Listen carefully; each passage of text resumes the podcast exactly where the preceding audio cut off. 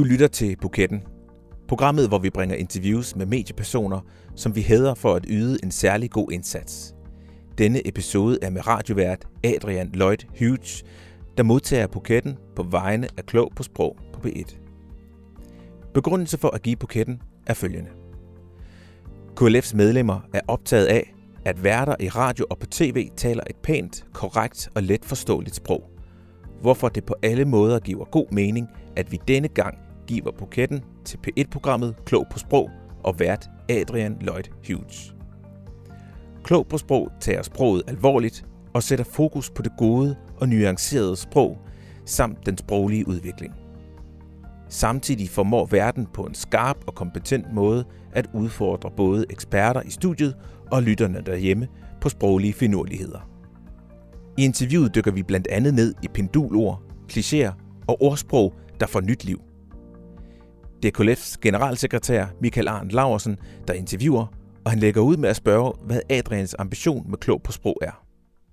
Øhm, altså i virkeligheden kan man godt sige råt brutalt og nederdrægtigt, at jeg laver faktisk mest programmet for min egen skyld.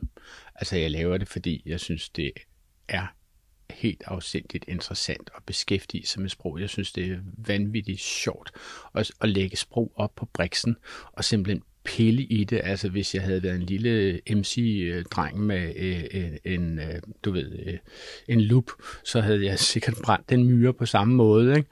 Øhm, jeg synes, det er sjovt at pille vingerne af det og pille, pille benene af det en efter en og nærstudere når man zoomer helt ind i elektronmikroskopet, hvad er det for nogle femmerhår i sproget, vi får øje på. Ikke?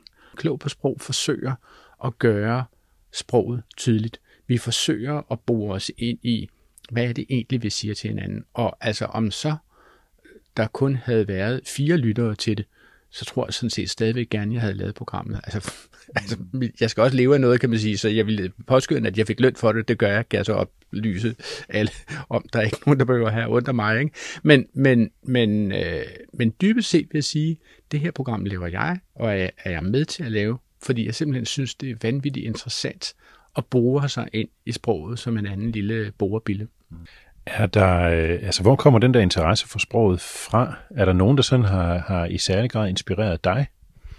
Øh, ja, det kan man roligt sige, at der er. Altså, jeg havde en mor, som desværre døde for 20 år siden, som øh, var afsindigt interesseret i sprog, altså også meget begavet bruger af sprog. Og så talte hun jo et, øh, kan man sige, et altmodisk dansk, øh, som var, øh, lad os kalde det højkøbenhavnsk, altså hun blev født ind i meget velhævende kredse, og, øh, og gik på gode skoler, ikke? som man jo gør. Man sender jo sine velhævende børn, eller hvis man er velhævende, sendte man jo øh, på det tidspunkt sine børn i enten Johannesskolen eller Ingrid Jespersens pigeskole, som det var dengang på Østerbro. Og der har hun gået i skole. Så hun har haft sådan et sprog, som er sådan 3-4 hak under dronningens, vil jeg sige. Ikke? jeg, jeg har jo suget meget kraftigt, vil jeg sige, af min mors bong. Ikke? Mm. Så, så hendes interesse for sprog og mange andre ting i øvrigt, har jeg øh, taget til mig, og jeg nyder det også. Altså, jeg nyder faktisk at bruge nogle af mine mors ord. Ikke? Jeg, det er med vilje, at jeg sidder herover for dig og bruger ordet altmodisk, mm. eller arkaisk, eller sådan noget den stil. For jeg er godt klar over, at der vil være lyttere, som skal slå det op. og det vil jeg så bare bede dem om at gøre. Ved I hvad? Hvis I ikke fatter det, slå det op. Jeg er jo slet ikke i tvivl om, at, at sproget betyder noget for dig personligt, øh, og det synes jeg også, man kan mærke, når man lytter til programmet. Det er ikke noget, du gør øh, kun fordi du får løn for det. Det er faktisk Nej, noget, du brænder for. Øh, kan du prøve at forklare mig, hvad er godt sprog? Øhm, altså godt sprog, synes jeg fortrinsvis er det, som dronningen for nylig i et interview i radioen har kaldt et velplejet sprog, hvilket jeg synes er, er afsindig sjovt sagt, og meget præcist sagt. Hun sagde det om sin far, øh, Frederik 9. Ikke? Øh, men, men et godt sprog for mig er især et varieret sprog. Altså et sprog, hvor man med vold og magt øh, og øh, trusler om seksuelle modydelser og alt muligt andet undgår klichéer. Altså, jeg har for nylig læst en bog, hvor der stod, sagde han med et smil på læben. Og øh, det der med et smil på læben, altså jeg ved ikke, hvor smil ellers skulle være. Der kan være et lille glimt af det i en øjenkrog, ikke? men altså det vil ofte vise sig som et hul i munden, øh, hvor, hvor øh, ansigtsmuskulaturen trækker sig, sig tilbage og eksponerer tænderne, hvis der er nogen. Ikke? Øh, et smil på læben er simpelthen øh, intetsigende og en kliché, og noget, som vi har sagt til hinanden i et eller andet sted mellem 3 og 500 år, eller sådan noget den stil, og det bør stoppe lige nu. Ikke? Men, men, men dertil vil jeg så sige, er der også et lille stykke vej. Jeg går jo ikke ud og slår folk i ansigtet med en mursten, hvis de kommer til at bruge klichéen et smil på læben. Jeg noterer mig bare, at jeg ikke vil ansætte dem som bloggere i mit univers. Vel? Øh, jeg synes ikke, at de skal nyde fremme som øh, artikelskribenter, skribenter i det hele taget, eller forfattere, eller, eller noget andet. Ikke?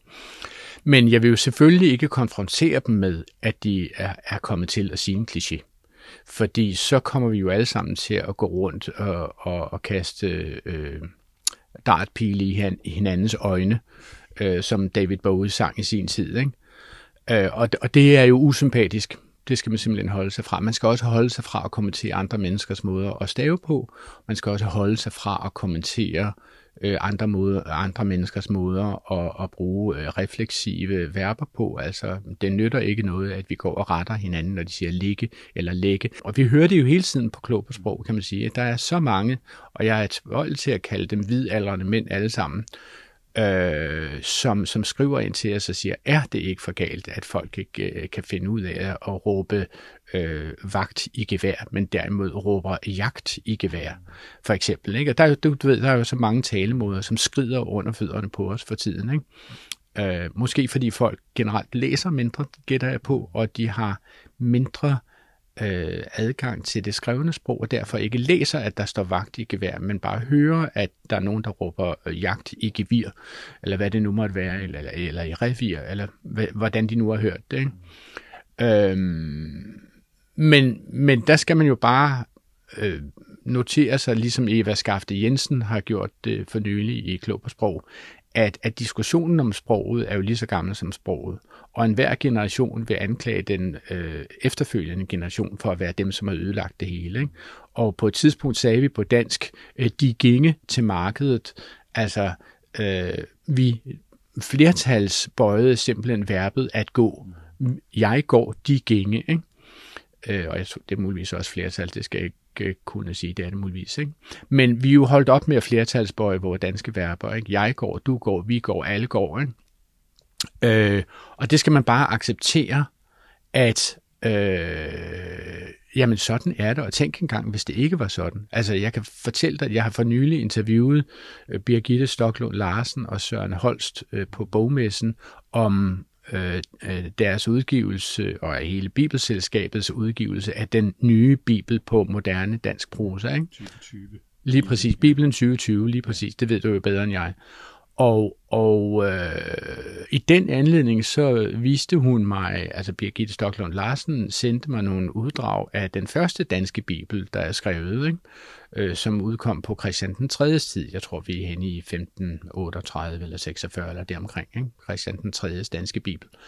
Og det er jo et voldsomt arkaisk, kan jeg roligt sige, dansk, som man altså stort set altså, øh, skal tage du ved, stanglonjetterne helt ud på næsetippen for at læse, og så skal man alligevel øh, have en hotline til en voksen, ikke?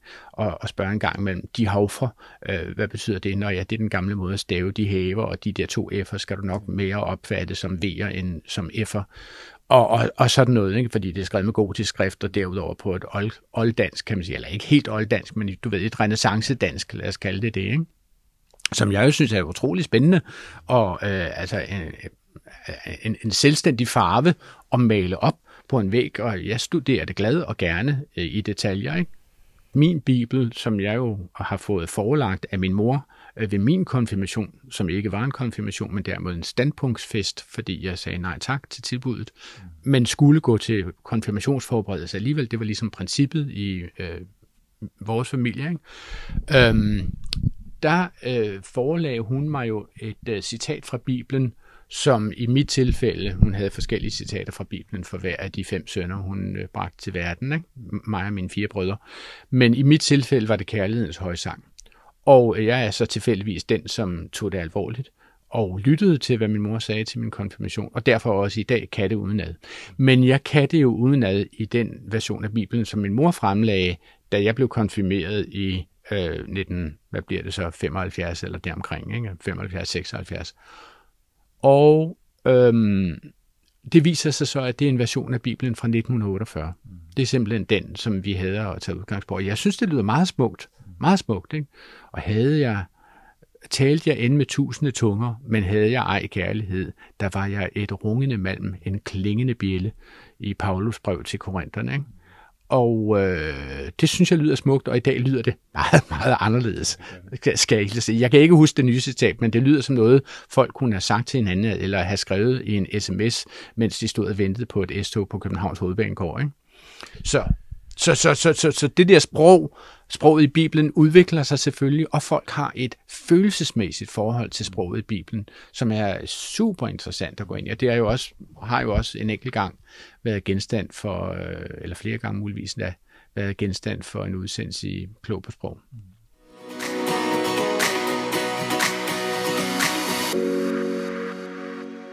Så det gode sprog, det er, det er det sprog, hvor vi tager ordene, sætningerne, vendingerne alvorligt, hvor vi ikke susker med det.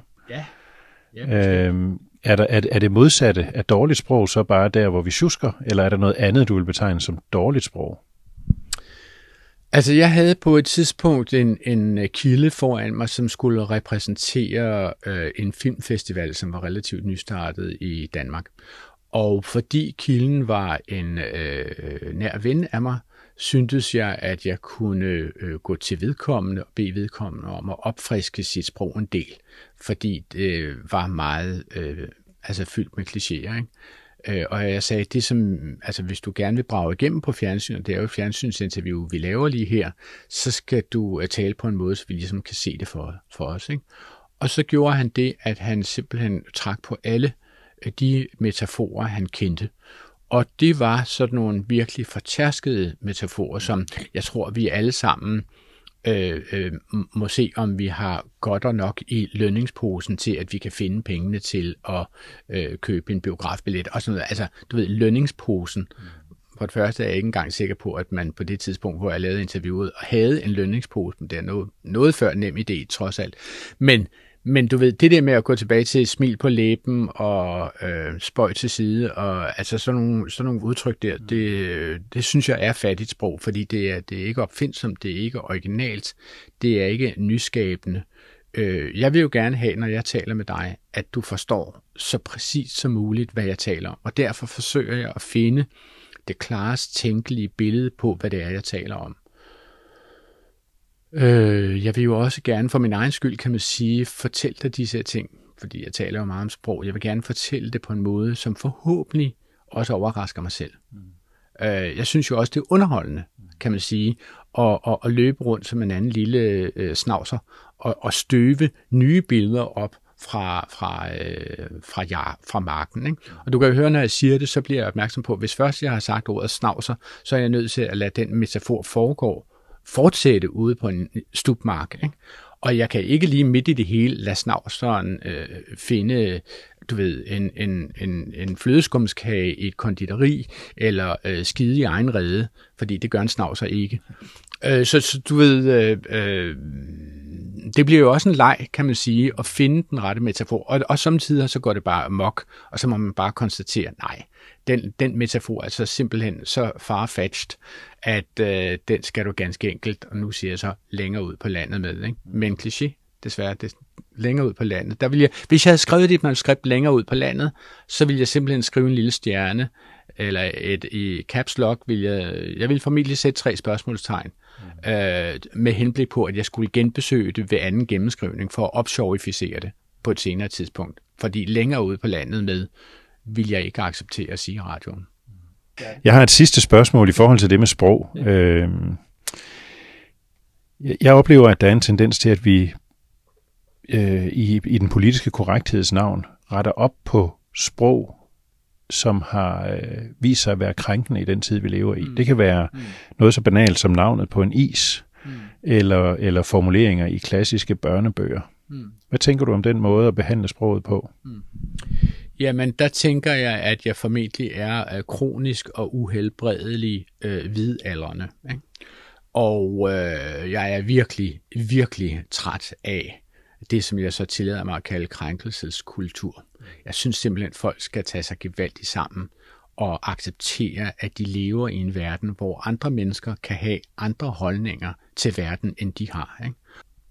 Det minder mig om, at jeg på et tidspunkt, og det, er sikkert, det har sikkert taget udgangspunkt i et af jeres programmer, læste på DR's øh, nyhedsapp, at begrebet godt, øh, forstået på den måde, at der er godt 5 kilo ja. i, i posen, i dag både kan opfattes som mere end ja. og mindre end. Ja. Øh, og det tænker jeg, det, det er for mig i hvert fald noget, der udfordrer mig i min forståelse eller brug af sproget, hvis, hvis ja. ordene kan begynde at betyde det modsatte, ja. øh, lige så vel som bjørnetjeneste.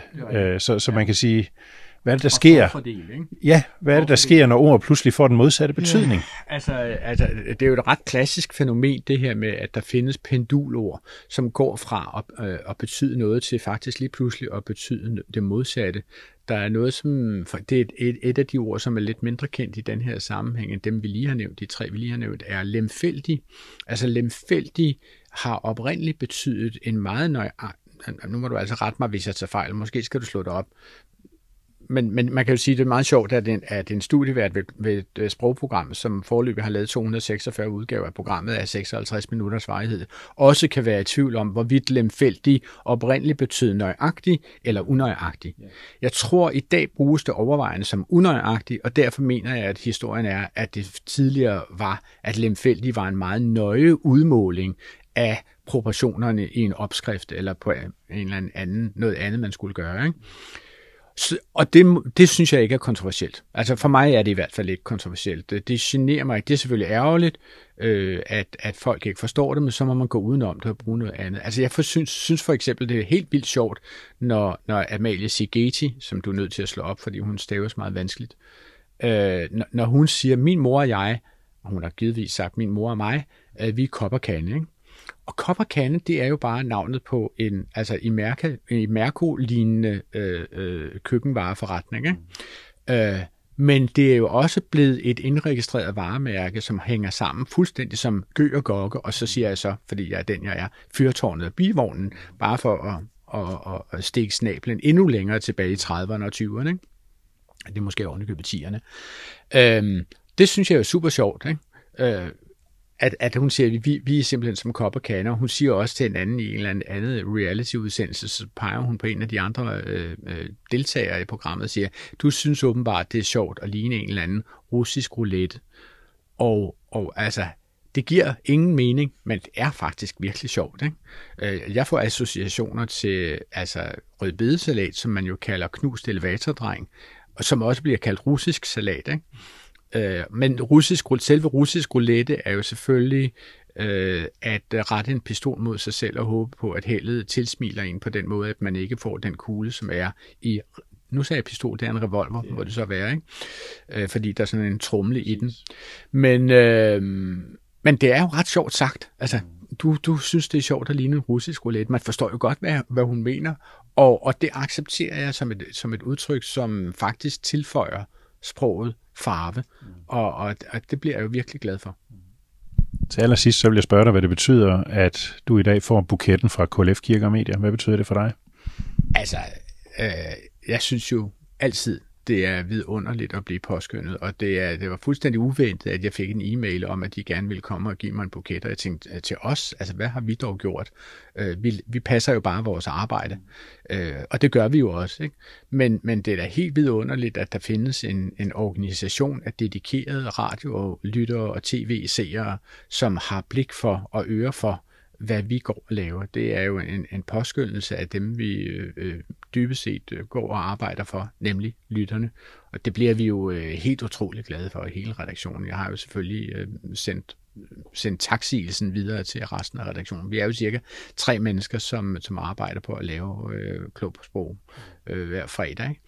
Og øh, jamen nej, vi bliver, det er jo vidunderligt at få sådan en påskyndelse, synes jeg. Så øh, altså, ja, som Karen Bliksen ville have sagt, pengene ville også have været rare, da hun ikke fik Nobelprisen i litteratur. Ikke? Men, men hun synes, at uh, ud over pengene, så var rosen fra en kollega jo næsten det største. Jeg tror, det var Norman Mailer, som sagde om hende, og også var det Miller, som sagde om hende, at hun var nok den, som helst og skulle have haft Nobelprisen. Ikke?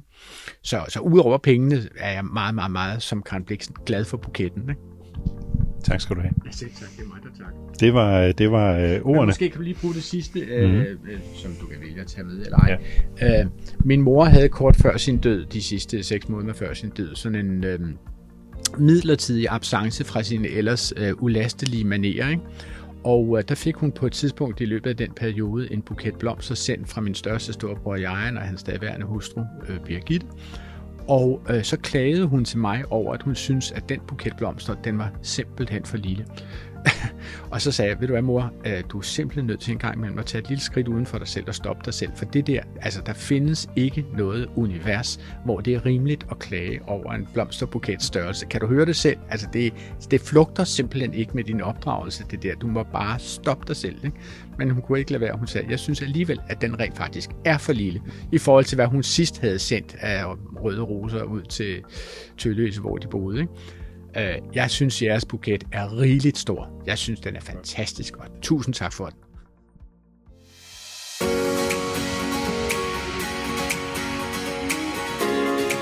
Lyt til flere podcasts fra KLF på lytklf.dk. Har du lyst til at deltage i debatten om medierne, kan du følge os på Facebook. Du kan også reagere på programmer fra radio og tv på vores hjemmeside klf.dk.